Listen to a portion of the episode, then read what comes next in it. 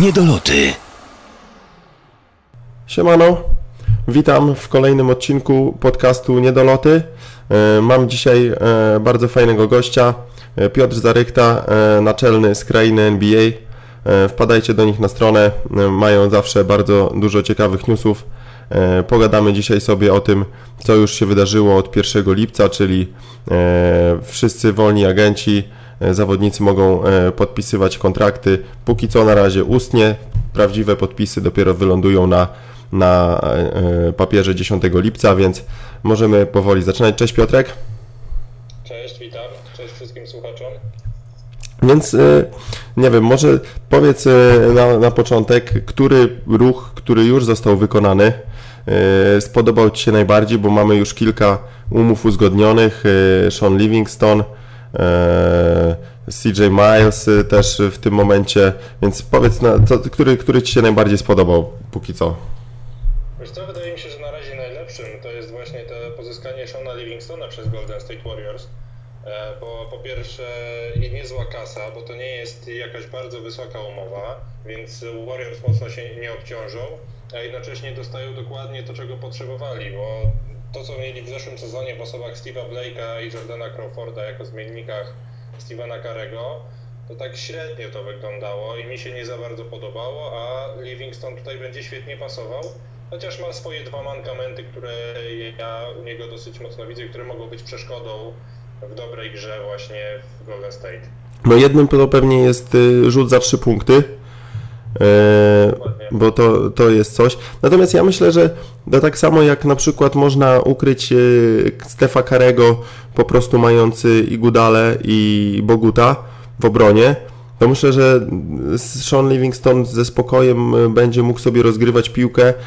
Jeżeli będzie na boisku, to pewnie będzie z nim albo Steph Curry, albo Clay Thompson.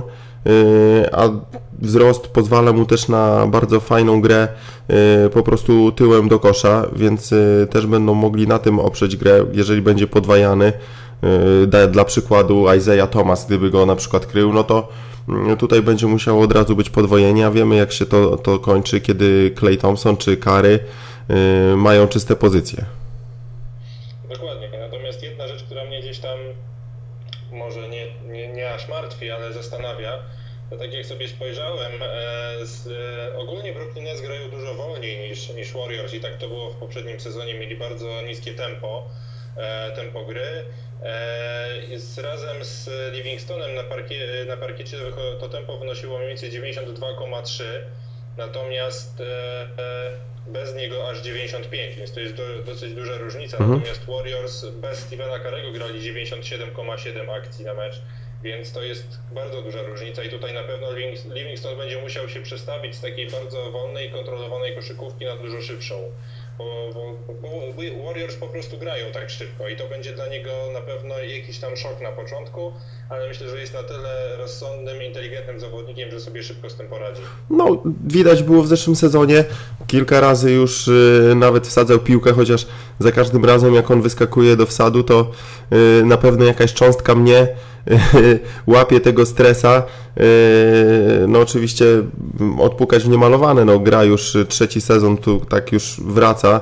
Więc y, no ten jego, ta jego kontuzja to tak jakby przeszłość, no ale jednak to ciągłe wspomnienie, ale chłopak w sumie e, daje radę, więc e, myślę, że kondycyjnie on nigdy nie, nie miał problemów, nie jest jakiś, nie wiem, e, też masy mięśniowej jakiejś wielkiej nie ma, więc myślę, że, że po prostu to było bardziej przystosowanie się do stylu gry e, zespołu. Tak, no wiadomo, że w Nets e, same dziadki, więc e, na pewno oni też szybko biegać nie potrafili, więc myślę, że tutaj się dość szybko dostosuje. A jakiś ruch, który no, najbardziej w tym momencie spowodował, że, że drapiesz się po głowie? Czy ja powiem Ci szczerze, mi się nie podoba podpisanie Kyriego Irvinga na maksymalną umowę. E, Ja już No to ciekawe. rok o tym pisałem e, i nawet u nas na, w naszych podcastach, na naszym kanale też o tym rozmawialiśmy. Ja ogólnie nie jestem zwolennikiem tego, żeby tak szybko dawać młodym zawodnikom duże pieniądze, tym bardziej jeżeli oni jeszcze nic nie udowodnili. E, I od, o ile rok temu taki sam kontrakt dla Johna Walla miał uzasadnienie, bo z Johnem Wallem ten zespół Wizards w poprzednim sezonie, tym 2012-13, e, miał dodatni stosunek zwycięstw do porażek, chyba tam plus jeden czy plus dwa, to, to było widać, że z nim na parkiecie ten zespół jest w stanie walczyć o playoffy i to było dla mnie taki namacalny powód do tego, żeby dać mu ten maksymalny kontrakt. Przy Irvingu czegoś takiego nie ma. Oni razem z Irvingiem nie grają aż tak dobrze, oni nigdy nie byli nawet tak ciut, ciut przy playoffach i dlatego mi się nie podobało to, żeby, żeby dawać mu maksymalny kontrakt, ale z drugiej strony jak najbardziej rozumiem ruch Cavaliers, no bo no tak, to jest. Tak, no to jest, to jest tak bardziej. Ja, jeżeli chodzi właśnie o samą kwotę i, i, to, żeby mu w, w, tym momencie już dać, no to jeżeli chodzi o to o pytanie, czy zasłużył, czy nie, no to odpowiedź może być tylko jedna, że nie zasłużył, bo tak naprawdę oprócz y, wyboru do All-Star Game nie ma na swoim i MVP tej, tego meczu, nie ma nic na swoim koncie y, i tego, że położył Brendona Knighta na, na parkiecie. E, natomiast no tutaj zdecydowanie, wiesz, no gromadzenie po prostu yy, zasobów, tak, no, myślę, że jeżeli Irving, chociaż to też, też o tym e, właśnie chciałem napisać, tak, tak sobie myślałem, bo Oczywiście teraz wszystko pięknie i on, wiesz, Cavaliers for Life. Nie wiem, tak yy, yy, zapytam trochę z boku, czy widziałeś może yy, film y, z jego reakcji, jak się okazało, że dostanie y, przedłużony kontrakt? To jak on tańczył? Tak, tak, tak, tak. No, widziałem, widziałem. No, Ja ciekaw, znaczy nie mam nic przeciwko temu, że się cieszył. Każdy może się cieszyć tak jak chce, szczególnie jeżeli podpisuje, wie, że dostanie przez następne 5 lat 90 milionów dolarów, ale ciekaw. Tak, tak. Ale ciekaw jestem, czy Michael Jordan na przykład też tak tańczył, jak podpisał taki, nie wiem, na przykład kontrakt z Nike.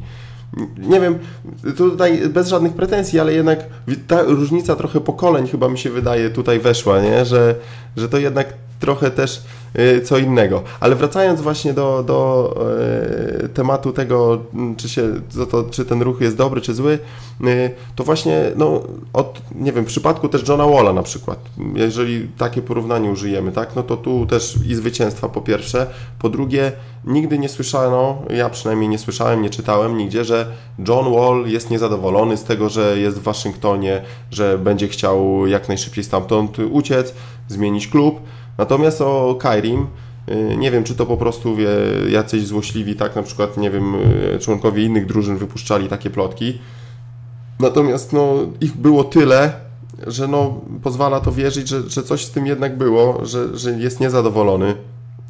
Y, Dion Waiters z nim no, chyba jednak no, nie rozumieją się w 100%. No i tutaj tak jakby, jeżeli ten kontrakt będzie, to po prostu jak już on wejdzie i będzie rzeczywiście obowiązywał, gdzie będzie zarabiał te 13-14 milionów, no to będzie można go też zawsze za coś zamienić, jeżeli w ogóle to się skończy niepowodzeniem. No bo y, oczywiście teraz wszyscy mówią tak, będzie tam grał do końca kariery, chce jak najdłużej i tak dalej, no ale co mają powiedzieć? Tak, że podpisuje, no bo y, zawsze każdy podpisuje, bo byłoby głupotą, gdyby nie podpisał tak tego, że mu ktoś podsuwa 90 milionów dolarów, no wiadomo, że yy, to jest coś, co jeszcze chyba nie zdarzyło się, żeby mm, zawodnik schodzący y, z kontraktu tych pierwszoroczniaków, gdzie, gdzie są ograniczenia kwotowe, no nie podpisał pierwszego przedłużenia, które mu proponuje klub, szczególnie jeżeli to jest maksymalny kontrakt. No też sobie takiej, sytuacji, natomiast bywały e, sytuacje, gdzie e, dosyć sprytnie były negocjowane te kontrakty. Taki przykład chociażby e, Kevina Lowa, który ma też bardzo wysoki kontrakt, bo tam jest w ostatnim sezonie 14 milionów 600, w najbliższym 15 700 ale Love podpisał kontrakt 3 plus 1, 3, 3 pewne lata i czwarty rok opcja po stronie zawodnika. Więc tutaj widać było już na przykład po Kevinie, że on gdzieś tam no. domyślał się, że może nie być tak idealnie z Minnesotą i też patrząc na to, tak jak powiedziałeś, że dochodziły te różne e, historie z szatni Cleveland, że tam może się nie, nie dziać zbyt dobrze, zbyt ciekawie, że chłopaki mogą się między sobą kłócić i tak dalej, to dziwię się, że Irving poszedł ten pięcioletni kontrakt za te 90 milionów, bo jeżeli rzeczywiście coś by było na rzeczy, to ja bym się nie zdziwił, gdyby myślał o czymś w stylu właśnie Kevina Lowa, czyli 3 plus 1 z opcją po stronie zawodnika. No, ja tu myślę... E, sorry, że, że wszedłem Ci w słowo. Ja tu myślę, że mm, to ma bardziej związek z tym, że yy, Kairi no, jest trochę kontuzjogenny, można powiedzieć, bo no, opuszcza dość sporo meczów, przynajmniej w tych pierwszych trzech sezonach. A druga sprawa, Kevin Love bardzo chętnie, myślę, że gdyby Kevinowi Love, Love zaproponowali kontrakt pięcioletni na maksymalną kwotę, to on by to podpisał yy, po prostu tylko w momencie, jakby usłyszał. Kwestia była taka, nie, że. Nie, nie, że tego, co ja pamiętam, to Love, nie dos- Love dostał właśnie maksymalną ofertę. nie, mi się. Z tego co ja, no tutaj trzeba by było yy, ewentualnie to sprawdzić, ale ja, mi się, yy, Minnesota chciała, gwiazda David Kahn, mistrz yy, negocjacji, nie chcieli mu dać piątego roku, yy, ponieważ oszczędzali to na yy, Rickiego Rubio, że chcieli ten pięcioletni kontrakt zaproponować Rickiemu Rubio, więc Kevinowi Lowowi dali, chcieli dać 4 lata i on przystał na te 4 lata, ale tylko z opcją taką, że będzie miał możliwość wyjścia po trzecim roku. I tak, i tak, to, się, tak to się skończyło. Więc no i teraz no, za to Minnesota płaci, ale myślę, że nawet gdyby Kevin Love podpisał pięcioletni kontrakt, to w tym momencie sytuacja byłaby podobna. Kwestia byłaby tylko taka, że Minnesota miałaby tak jakby no, większą władzę, yy, większe możliwości negocjacyjne, no bo nie byliby aż, nie byliby aż tak pod ścianą, bo, bo mieliby jeszcze trochę więcej czasu na to, żeby najlepszą ofertę za, za Kevina Love dostać. Mhm. No wiesz tak powiedzmy sobie szczerze, no Cleveland Cavaliers są w takim miejscu, gdzie e, muszą zacząć wygrywać, bo jak nie, no to będzie naprawdę ciężko z tym, z tym zespołem. Oni gdzieś tam mieli marzenia od, odnośnie tego, żeby ściągnąć do siebie LeBrona Jamesa, no to chyba możemy spokojnie już włożyć między, między bajki. No tak, no. E, tam, tam potrzeba trochę więcej rozsądku niż dotychczas to było i wydaje mi się, że tego rozsądku też zabrakło tutaj przy, przy Irvingu.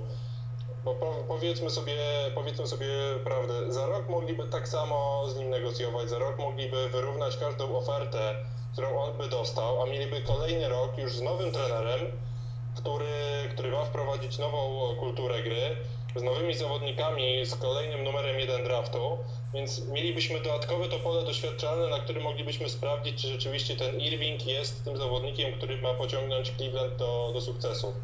A tak, to jest dla mnie zbyt, duża, zbyt duże ryzyko i, i dlatego nie jestem do tego do końca przekonany. Oczywiście, z drugiej strony możemy tak samo mówić, nie wiem, DeMarcus Cousins z Sacramento Kings rok temu też dostał maksymalny kontrakt.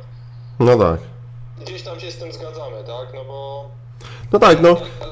podobnie też nie prowadzi zespołu do zwycięstw. Dokładnie, to tutaj mi się wydaje, że no przy Kairim on akurat trafił w takie okoliczności, że powstała wielka dziura po tym jak odszedł LeBron. Yy, On przyszedł do drużyny i po prostu jako, że do Cleveland ściągnąć yy, jakąś znaczącą gwiazdę, powszechnie też wiadomo, że jak LeBron yy, podejmował swoją decyzję, E, to jego pierwszym krokiem było, była próba ściągnięcia Chrisa Boscha do Cleveland. I on naprawdę chciał w Cleveland zostać, ale Chris Bosch powiedział, że nie dziękuję. E, No, zamienić Toronto na Cleveland to mm, nie było chyba dla niego zbyt korzystne. I dopiero później powstała idea, żeby zagrać w Miami. I, Kyrie Ir- Irving przyszedł, e, zagrał bardzo dobrze od początku sezonu. Y, Były też wątpliwości, no bo on zagrał tylko 19 meczów y, w jedynym swoim sezonie y, w koledżu, więc po prostu dostał kluczyki do, do, do miasta, klucze, tak to można nazwać, że po prostu zaczął mieć władzę, no zaczęto spełniać jego pewnie wszy- wszystkie zachcianki. Trener nie, nie mógł się do niego przyczepić. O to też y, były pretensje, takie plotki krążyły, że właśnie jest nierówne traktowanie, czyli Kairi może sobie w obronie y, popełniać błędy i nie jest mu to wytykane, a reszcie jest, więc no też trzech trenerów, y, będzie to trzeci trener w jego trzecim, y, w czwartym roku w sezonie, więc to też na pewno nie wpływa pozytywnie na, y, na rozwój zawodnika. Myślę, że gdyby Cleveland było organizacją, która nie pisze maili mm, czcionką Comic Sans, tylko zatrudniłaby poważnego człowieka na stanowisku generalnego menadżera i trenera, z którym są pewni, że przynajmniej te 3-4 lata, y, mimo wszystkich tam wyników, y, będą w stanie przepracować, to ta drużyna w tym momencie już by walczyła o no to przykład Indiany Pacers, im też zajęło to 3-4 lata i już walczą o mistrzostwo. W międzyczasie tylko jeden, dwa dobre transfery typu David West. No bo jeżeli możemy sobie zrekonstruować drużynę y, Cleveland na podstawie tych wyborów w drafcie, które mieli, to pierwsza piątka mogła wyglądać Kyrie Irving na jedynce, na dwójce Clay Thompson, czy na przykład y, Oladipo na, na dwójce, a na trójce Clay Thompson. Clay Thompson mógłby, może grać, myślę, z powodzeniem na trójce. Y, kwestia y, silnego skrzydłowego tutaj by chyba została, a na centrze mógłby być Andre Drummond. I to by mogła być pierwsza piątka w tym momencie Cleveland Cavaliers, a jest Kyrie. Tym, że, tym, że pamiętaj też o tym, że gdyby oni inaczej wybierali rok po roku, to też na pewno w kolejnych latach nie mieliby tak słabych wyników i nie dałoby rady w kolejnych latach dostawać tych numerów, które, które mają. Znaczy tak, no to jest oczywiście, wiadomo, to jest oczywiście gdybanie, natomiast yy, no myślę, że Andre Drummond w pierwszym roku dużo by nie pomógł, jeśli chodzi o zwycięstwa. Clay Thompson, z, jeżeli pamiętam jego pierwszy rok, to też yy, chyba część spędził na wchodząc z ławki. To też nie byli tacy zawodnicy, bo no my teraz ich widzimy z perspektywy dwóch, trzech lat jak są już w lidze, więc trochę się rozwinęli, natomiast myślę, że żaden z nich jako pierwszoroczniak nie miał takiego wpływu na, na grę swojego zespołu. Z drugiej strony też ci zawodnicy byliby, po prostu mieliby taką piątkę młodą, która no, raczej by nie wygrywała. Myślę, że tutaj mogłoby się to odbić jeszcze na zwycięstwach w drugą stronę, czyli jeszcze mniej tych y, zwycięstw. No ale kogo by nie wybrali, to no, możemy chyba się zgodzić z tym, że jednak te ich wybory dobre nie były.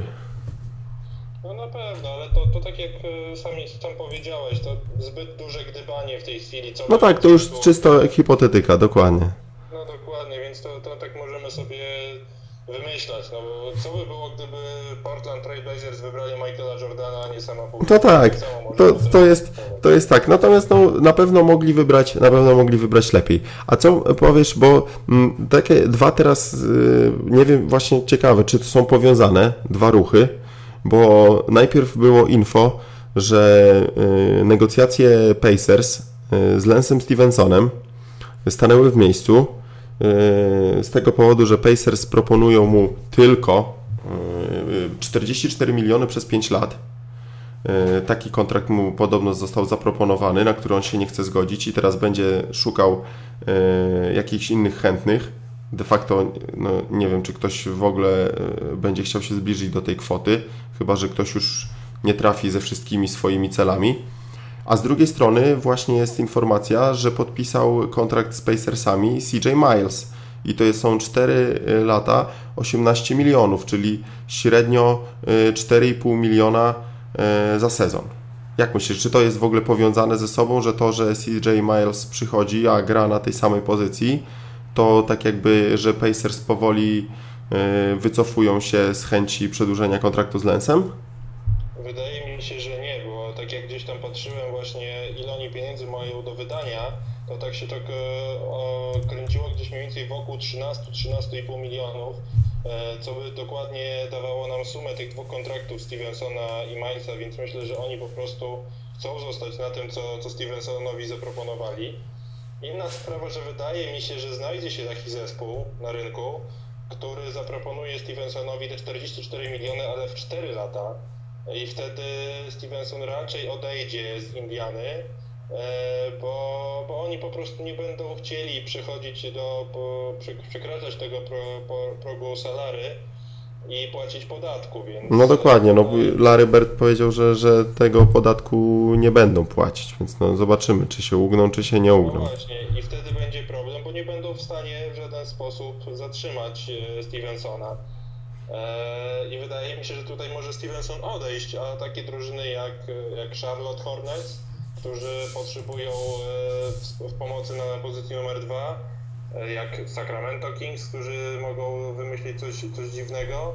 No, Chicago oni to. Chicago Bulls, jeżeli nie powiedzie, nie powiedzie im się opcja z Carmelo Antonem, to też bym się nie zdziwił, gdyby chcieli gracza typu Lansa Stevensona u siebie Także takich opcji jest kilka i te opcje pozwalają zapłacić więcej Stevensonowi.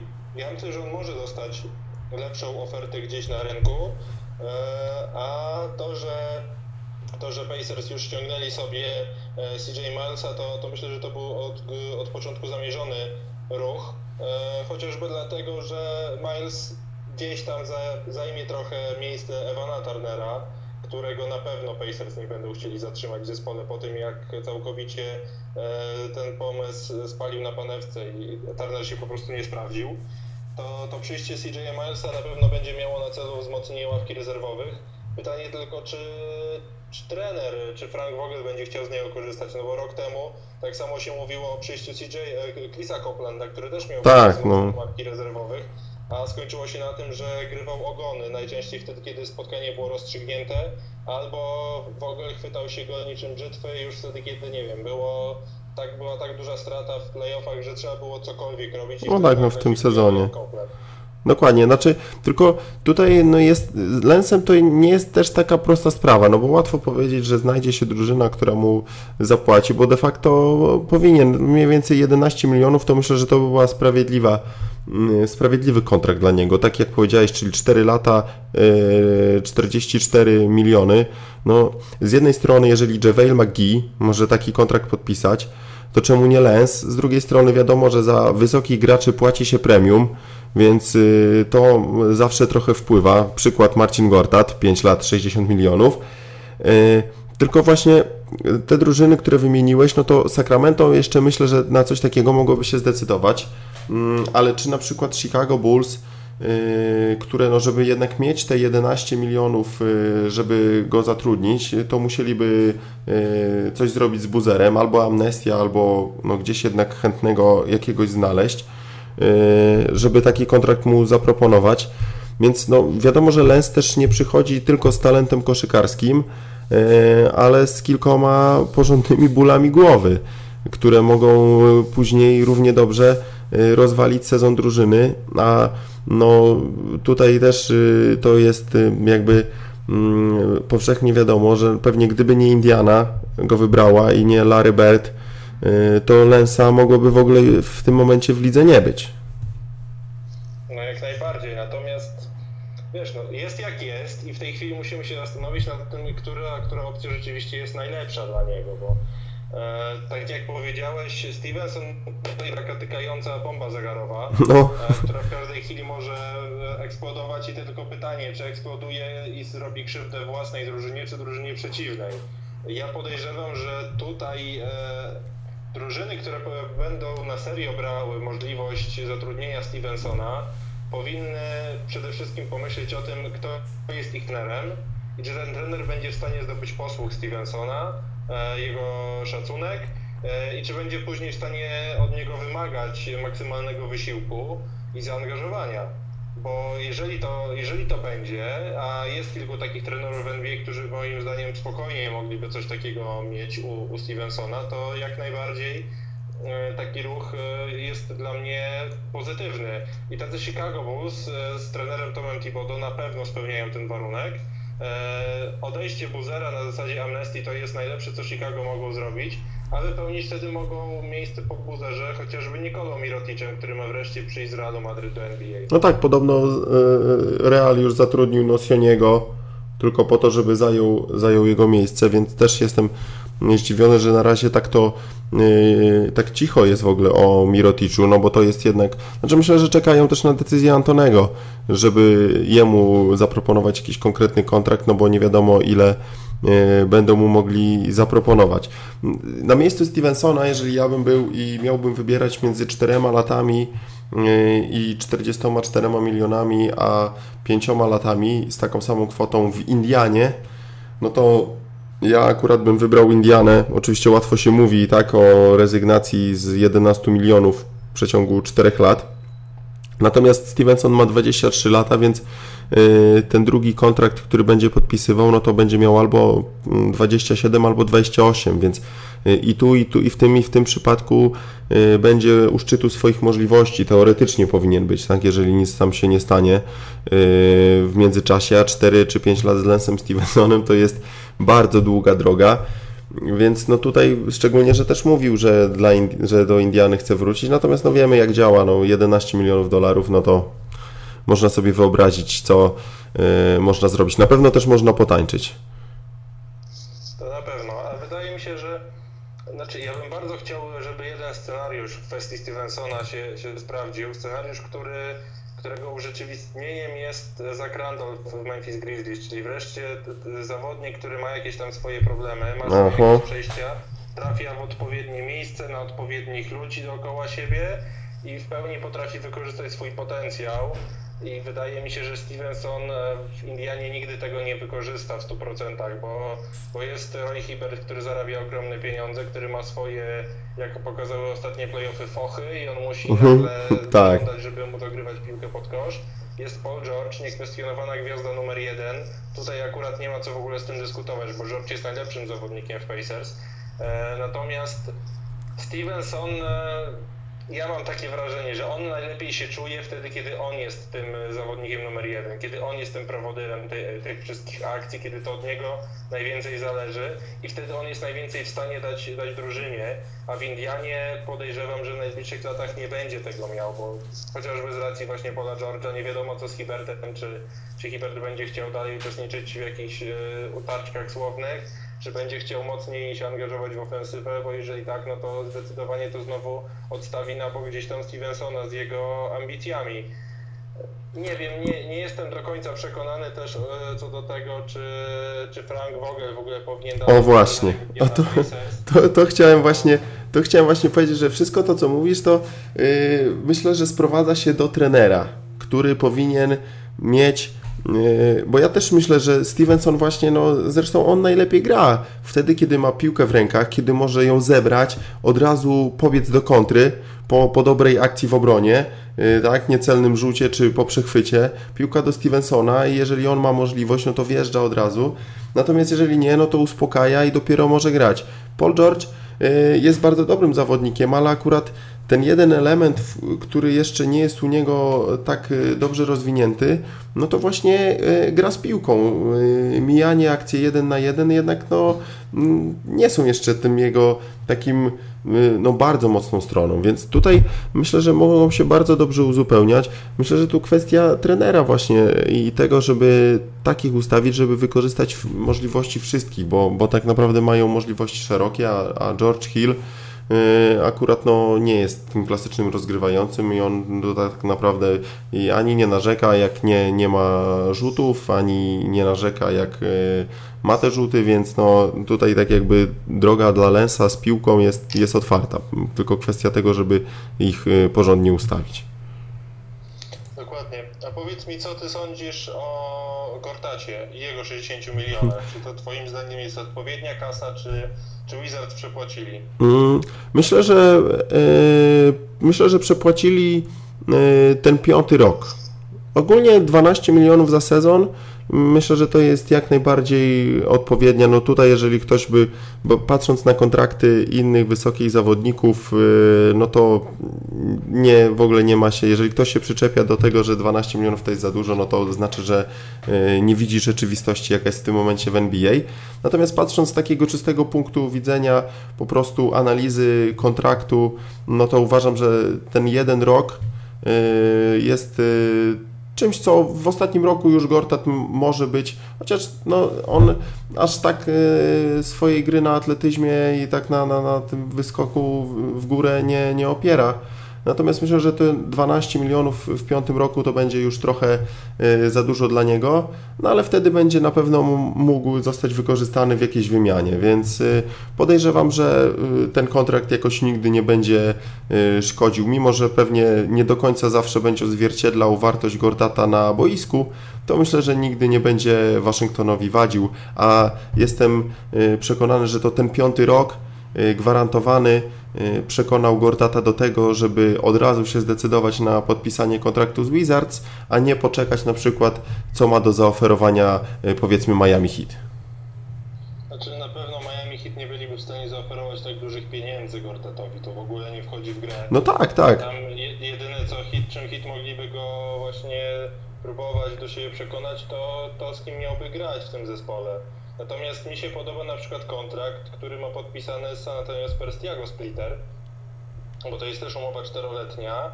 Tam jest 32 chyba miliony. 10, 10 milionów, ale w każdym z kolejnych lat ta kwota będzie pomniejszana. 9250 w najbliższym, potem 8500 i 8250. I taki kontrakt, gdyby Gortatowi został zaproponowany, to byłby, myślę, mi się wydaje, najlepszy ze strony Wizards oczywiście patrząc. Bo ze strony Gortata patrząc, no to lepiej chyba nie mógł, nie mógł dostać.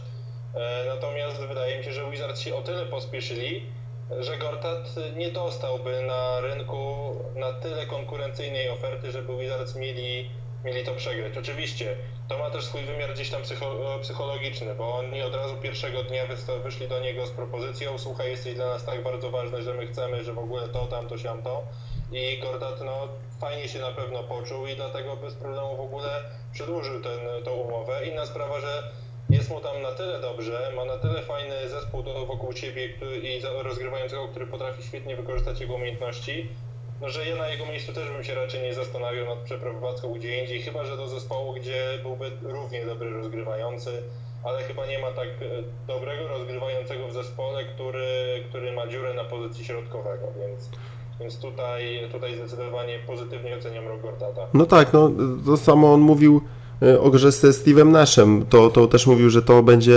jedna z głównych e, rzeczy, jak, na jaką będzie patrzył przy wyborze nowego zespołu, więc no tutaj rozgrywający, który mu może podać piłkę, mm, bo to jak wyglądał sezon później bez Steve'a Nasha, e, no to Phoenix Suns, no to po prostu e, między, no, różnica niebo a ziemia. E, A jeśli chodzi właśnie o te kontrakty, to, to, zauważyłeś, no to jest bardzo fajna uwaga, bo ja też uważam, że to jest coś, co jest w ogóle niewykorzystywane przez, przez zespoły, szczególnie przy podpisywaniu kontraktów ze starszymi zawodnikami, gdzie yy, no wiadomo, że wiek robi swoje, no i później te ich umiejętności i co za tym idzie, zazwyczaj też czas spędzany na boisku i, i po prostu wkład, jaki mają w zwycięstwa, maleje. Szczególnie przy ruchach e, zespołów, które, przedłuż, które przedłużają swoich zawodników. No bo e, co innego, jeżeli ktoś bierze e, zawodnika po prostu z puli wolnych agentów i ma określone miejsce pod salary cap, które może przeznaczyć na zawodników, no to wiadomo, że taki kontrakt e, przeładowany w tych pierwszych latach no, ograniczy ich możliwości dzisiaj, tak? Wiadomo, że później trochę im to ulży, natomiast będą mieli mniejsze możliwości, żeby dzisiaj zatrudnić kogoś. Yy, Natomiast jeżeli taka drużyna jak Waszyngton w tym momencie ma możliwość yy, skorzystania z yy, tych, no nazwijmy to, prawa, praw Berda, dla Marcina Gortata, że nie muszą zważać na to, ile mają pieniędzy do wydania, no to taka opcja y, byłaby, byłaby o wiele rozsądniejsza i później pozwoliła im na, na większe manewry. A tutaj ma z tego, co, co, co widać, to jest y, po prostu płaskie 12, 12, 12, 12, 12, bez żadnych opcji. I, no, ale myślę, że nie, tak jak już powiedziałem, no nie skrzywdzi to y, Waszyngtonu w żadnym stopniu. A, a drużyna ma, jest młoda. John Wall i Bradley Beal to są dwaj zawodnicy, którzy bardzo dobrze go wykorzystują. Y, Z Wallem y, świetne pick and role, po których może kończyć akcje i zdobywać punkty. Z Bradleyem Billem też gra, daje mu dobre zasłony, po których Bill czytałem jakieś statystyki, że, że o wiele na wyższej, wiele wyższej skuteczności rzuca, jeżeli stawia mu zasłony Gortat. No tam na pewno jest fajna współpraca i tak jak już obaj wcześniej powiedzieliśmy, warto, warto stawiać na to, jak, jak to wygląda. Warto będzie oglądać ich na pewno też i, i Wizards się nie przejadą na kontrakcie Gortata, przynajmniej w najbliższych dwóch, trzech sezonach. Później to się okaże, jak zdrowie będzie dopisywało. Natomiast jednej rzeczy na pewno Gortat nigdy nie przestanie robić, czyli w 100% angażować się w grę. To nie jest typ e, taki jak, jak Nene, który ma swoje pieniądze, gra tylko po jednej stronie parkietu. Gortat będzie zawsze, e, wydaje mi się, grał po obu stronach parkietu z równie dużym zaangażowaniem, bo to już jest po prostu kwestia charakteru. On takim jest człowiekiem i tego się nie zmieni nagle, więc, e, więc tutaj bym, się, bym był o to spokojny. Natomiast na pewno gdzieś tam Wizards mocno ograniczyli sobie możliwości przez, przez swoje ruchy, przez Gortata, przez decyzję na to, żeby nie rozstawać się z Andrem Millerem i zapłacić mu te 4,5 miliona dolarów w najbliższym roku. E, zobaczymy, czy im się uda zatrzymać Trevora Arizę, który ma mieć naprawdę sporo ofert z różnych klubów i z Los Angeles Lakers, i z Atlanta Hawks, i jeszcze o paru innych zespołach się mówiło, że też chcieliby Arizę mieć u siebie. No to to jest... jest na pewno bardzo tak. ważny zawodnik, e, przede wszystkim w perspektywie tej kontuzji, którą ma Martel Webster, Webster, nie tak. będzie, który nie będzie mógł przez 5 miesięcy grać. I w tym momencie na pozycji numer 3 zostaje im Otto Porter, wysoko wybrany w drafcie ubiegłorocznym, ale jednocześnie Otto Porter, który nic nie pokazał w, w tym sezonie. Oczywiście tam mocno kontuzja spowolniła e, początek jego rozgrywek. Teraz powinien normalnie przejść cały etap przygotowawczy do sezonu i to może zdecydowanie wyjść na jego, na jego korzyść. Natomiast zanim e, Wizards się przekonają o tym, czy Porter będzie w stanie dźwignąć ciężar gry na pozycji numer 3, to muszą już zdecydować, czy, czy ile zaoferować Arizie, no i później czekać na efekt tej, tej oferty. No właśnie, Ariza nagle się stał jakby najgorętszym towarem w ogóle na rynku tyle osób. No to jest klasyczny przykład po prostu e, gościa, który rzuca za trzy i broni, czyli jest, e, pasuje pewnie praktycznie do każdej drużyny, bo każda drużyna potrzebuje kogoś na skrzydle, kto dobrze broni e, i kto rzuca trójki po penetracjach, czy to z rogu, czy z góry. Natomiast no tutaj może, no jeżeli bardzo będą chcieli, no wiadomo, że mają jego prawa i mogą, jeżeli Ariza zachowa się wobec nich tak, że po prostu y, powie im, słuchajcie, dostałem taką i taką ofertę najwyższą te, takiego klubu i jeżeli chcecie to wyrównać, no to dobra, to wracam, no a jeżeli nie, no to sayonara. Więc no zobaczymy, czy jak bardzo. Tutaj będzie chyba tylko zależało od tego, jak bardzo Waszyngtonowi będzie zależało e, na tym, żeby jednak go, go zatrzymać. Mamy też kilka e, pomniejszych ruchów. E, nie wiem, jak się do nich odniesiesz. Jody Mix, 3 lata, 19 milionów. Stan Van Gundy się szarpnął. Dzisiaj też z takich pomniejszych ruchów Ben Gordon do Orlando, 2 lata, 9 milionów. E, no i też e, później najważniejsza, e, chyba najważniejsze domino, gdzie pójdzie Carmelo. To tak po kolei. Pierwsze powiedziałeś Jody Mix i tak, Jody Mix. to zdecydowanie oceniam ten ruch na plus. Tam jeszcze poszedł też Cartier Martin. A, tak. Na roczny kontrakt. Także tutaj ewidentnie Stan Van Gundy poszedł w tym kierunku, który którym Pistons byli po prostu mega słabi. Oni byli przedostatni w lidze w skuteczności rzutów za 3 punkty, tylko przed Philadelphia 76ers trafiali 32% trójek, to był fatalny wynik. E, Mix to jest zawodnik, który trafił w ostatnim sezonie 40% trójek, Martin 39%, więc to automatycznie jest polepszenie tego, tego elementu. Wydaje mi się, że być może troszkę został przepłacony Mix, bo to jest w końcu 6 milionów dolarów za zawodnika raczej jednostronnego, bo Mix nie potrafi być, nie jest na tyle dobrym obrońcą, żeby, żeby mu płacić aż takie pieniądze. No ale to już gdzieś tam decyzja Van Gandiego, który chciał zapewnić sobie prawa do tego zawodnika, chciał sobie, chciał mieć pewność, że on trafi do, do jego zespołu. Ogólnie, ogólnie pozytywnie jak dla mnie ten, ten ruch. Trochę mnie dziwi podpisanie Bena Gordona przez Orlando Magic, E, tym bardziej, że wiadomo, że tam będzie zmiennikiem tylko i wyłącznie Wiktora. No właśnie, a miał, a miał z tym problemy grając w poprzednim zespole, będąc zmiennikiem. Nie? Mnie to, mnie trochę, nie wiem, ci strasznie zawodnicy Pistons są e, sprowadzani chyba do, do Orlando. Nie wiem, czy to jest spowodowane tym, że y, asystentem Henningana y, jest on Mascot Penn, y, który był kiedyś po prostu zastępcą Dumarsa. Yy, bo i Maxiel przyszedł w zeszłym sezonie. W tym roku słyszałem o tym, że też o, yy, chcieli Stakeya, ale no już chyba Rodney Staki nie, nie przyjdzie, skoro wzięli yy, Bena Gordona. No takie właśnie to, ten drugi ruch, nie wiem, znaczy ani to w jedną stronę, ani w drugą chyba nie, nie przeważy, szczególnie, że mówimy o Orlando Magic. Znaczy, wiesz, Ben Gordon ma swoje bardzo duże plusy, tak? Zaletą jego największą jest umiejętność rzucenia za trzy punkty w każdym miejscu, z każdego miejsca. i jeżeli się przyłoży do treningów, jeżeli przyłoży się do, do gry, no to gość trafia na naprawdę wysokiej skuteczności. Przecież on, będąc debiutantem, został wybrany najlepszym rezerwowym ligi, co było ewenementem.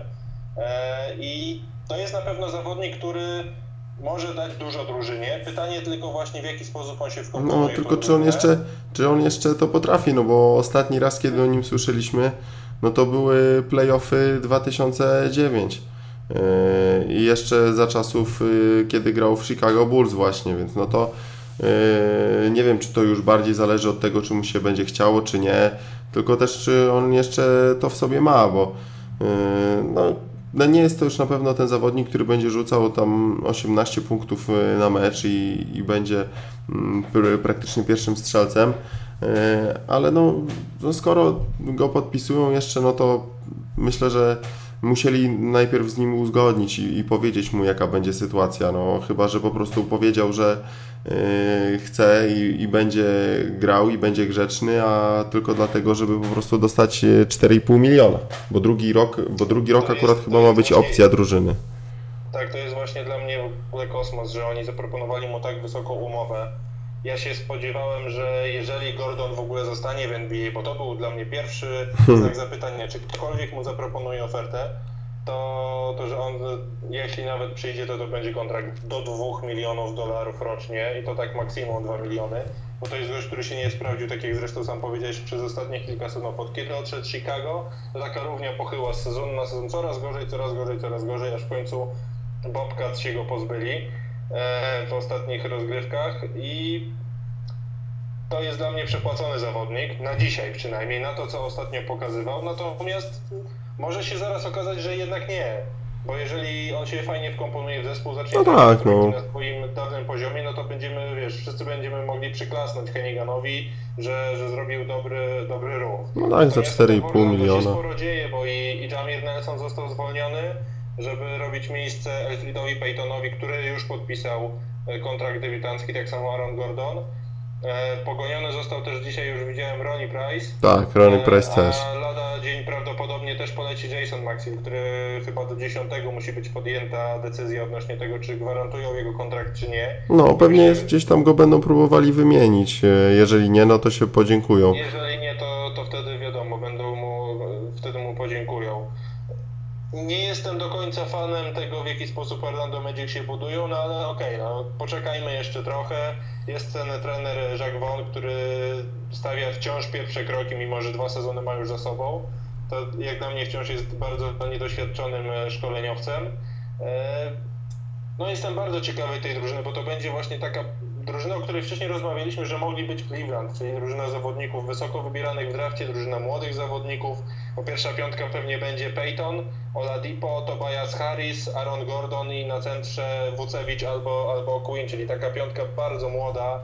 E, oni się pozbyli wszystkich doświadczonych graczy, bo i odszedł właśnie Nelson, wcześniej wymienili do, do Denver Nuggets Arona Flano, także bardzo młody zespół, no i zobaczymy, co z tego wyjdzie. No, boję się, że oni mogą przez to ugrzęznąć dalej na, na samym dole i tak słabej konferencji wschodniej. No właśnie, bo dzisiaj akurat rozmawiałem, y, będzie dzisiaj y, albo jutro z rana y, podcast, właśnie rozmawiałem z Mariuszem z Orlando Magic.pl na ten temat no właśnie taka piątka pierwsza, ja bym zamienił Harrisa tylko na Harklessa, który y, gra e, lepiej w obronie, a Harris wchodziłby po prostu z ławki, żeby rzucać punkty. E, co do trenera też mam pewne wątpliwości. No tu myślę, że jeszcze spokojnie, no ciągle szukają, no tak jak Durant na przykład, y, Derrick Rose, Blake Griffin, y, John Wall, no oni jak wychodzili z uczelni i szli do draftu, no to już byli tacy zawodnicy, y, którzy no, mieli to w sobie coś, że będą tymi graczami, do których można tak w końcówce dać im piłkę, niech oni coś robią, tak go to guy, tak ich nazwijmy. Mm, tutaj było tych dwóch, y, Jabari Parker i Andrew Wiggins i, oni poszli z pierwszymi dwoma numerami. Myślę, że Orlando jeszcze chce poczekać, bo no, nie sądzę, żeby Elfrid Payton Y, bądź Aaron Gordon, który może się bardzo dobrze rozwinąć, no ale to pewnie będzie kwestia wtedy jeszcze 3-4 lat, tak? No musi przerobić swój rzut, żeby nie rzucać 40% na skuteczności. to, to zobaczymy. No na pewno to jest bardzo optymistyczny skład, natomiast jeszcze za wcześnie trochę, żebyśmy cokolwiek byli w stanie przewidzieć. Jeszcze tam rzuciłeś e, temat Carmela Antonego. No tak, tak, bo, bo widziałem... i trochę obwoźny cyrk po Tak. Stanach Zjednoczonych. Był w Chicago, teraz jest w Houston, lada chwila ma jechać jeszcze chyba do, do Dallas. To Dallas, tak, i Los Angeles jutro- jeszcze. A jutro do Los Angeles, do Lakersów. E, I powiem Ci szczerze, gdybym był na miejscu Carmelo, to bym wybrał opcję z Chicago. Tego względu, że tam ma najlepszy zespół, najlepszego trenera, najlepsze moim zdaniem perspektywy na to, żeby szybko do, do, dotrzeć na szczyt. Tym bardziej, że jakakolwiek opcja w konferencji zachodniej jest trudniejsza niż konferencja wschodnia, e, w której naprawdę łatwo dojść, dojść daleko. Więc ja bym się skłaniał do tego, żeby on poszedł do Chicago, bo tak jak mówię, i będzie miał najlepsze otoczenie wokół siebie, i będzie miał najlepszego trenera, i będzie też miał atmosferę świetną, no bo w Chicago od zawsze jest świetna atmosfera, tam ludzie są po prostu zakochani w koszykówce. E, jeżeli Melo przyjdzie i będzie rzucał swoje punkty, na pewno Tom Thibodeau na tyle sprytnie gdzieś go umieści w tej swojej obronie, że, że nie będzie widać tych jego minusów. Jedyne co mnie martwi to, że wtedy z drużyną albo się będzie musiał pożegnać Touch Gibson albo Jimmy Butler. Jeden i drugi zawodnik moim zdaniem są niezbędni do tego, żeby Chicago daleko zaszli, więc, więc nie wiem gdzie oni mogliby znaleźć pieniądze na to, żeby, żeby z Melo podpisać umowę. Sama amnestia Carlosa Buzera nie wystarczy.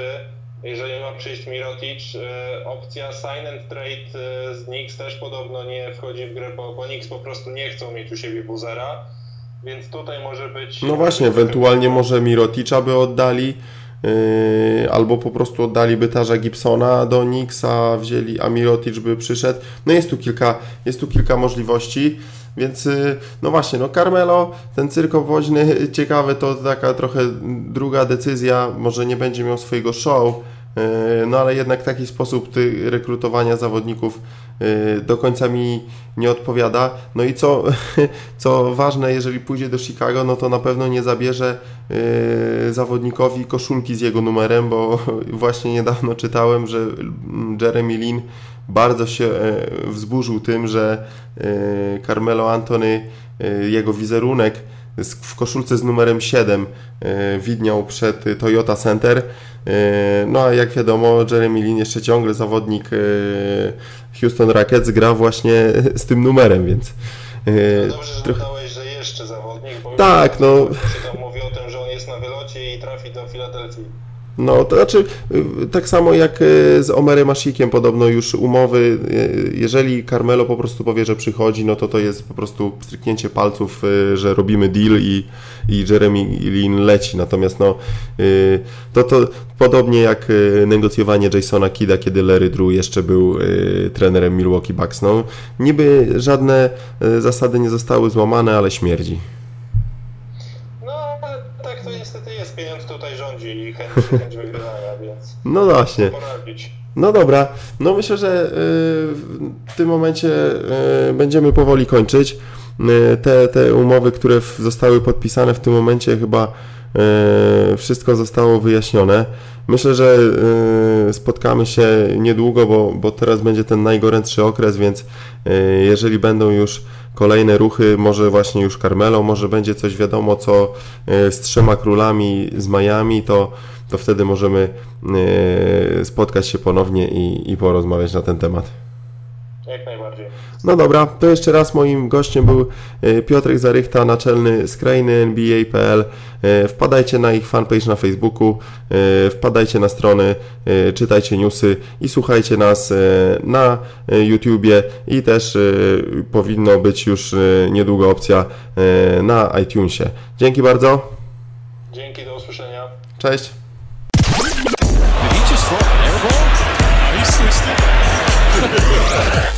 Niedoloty.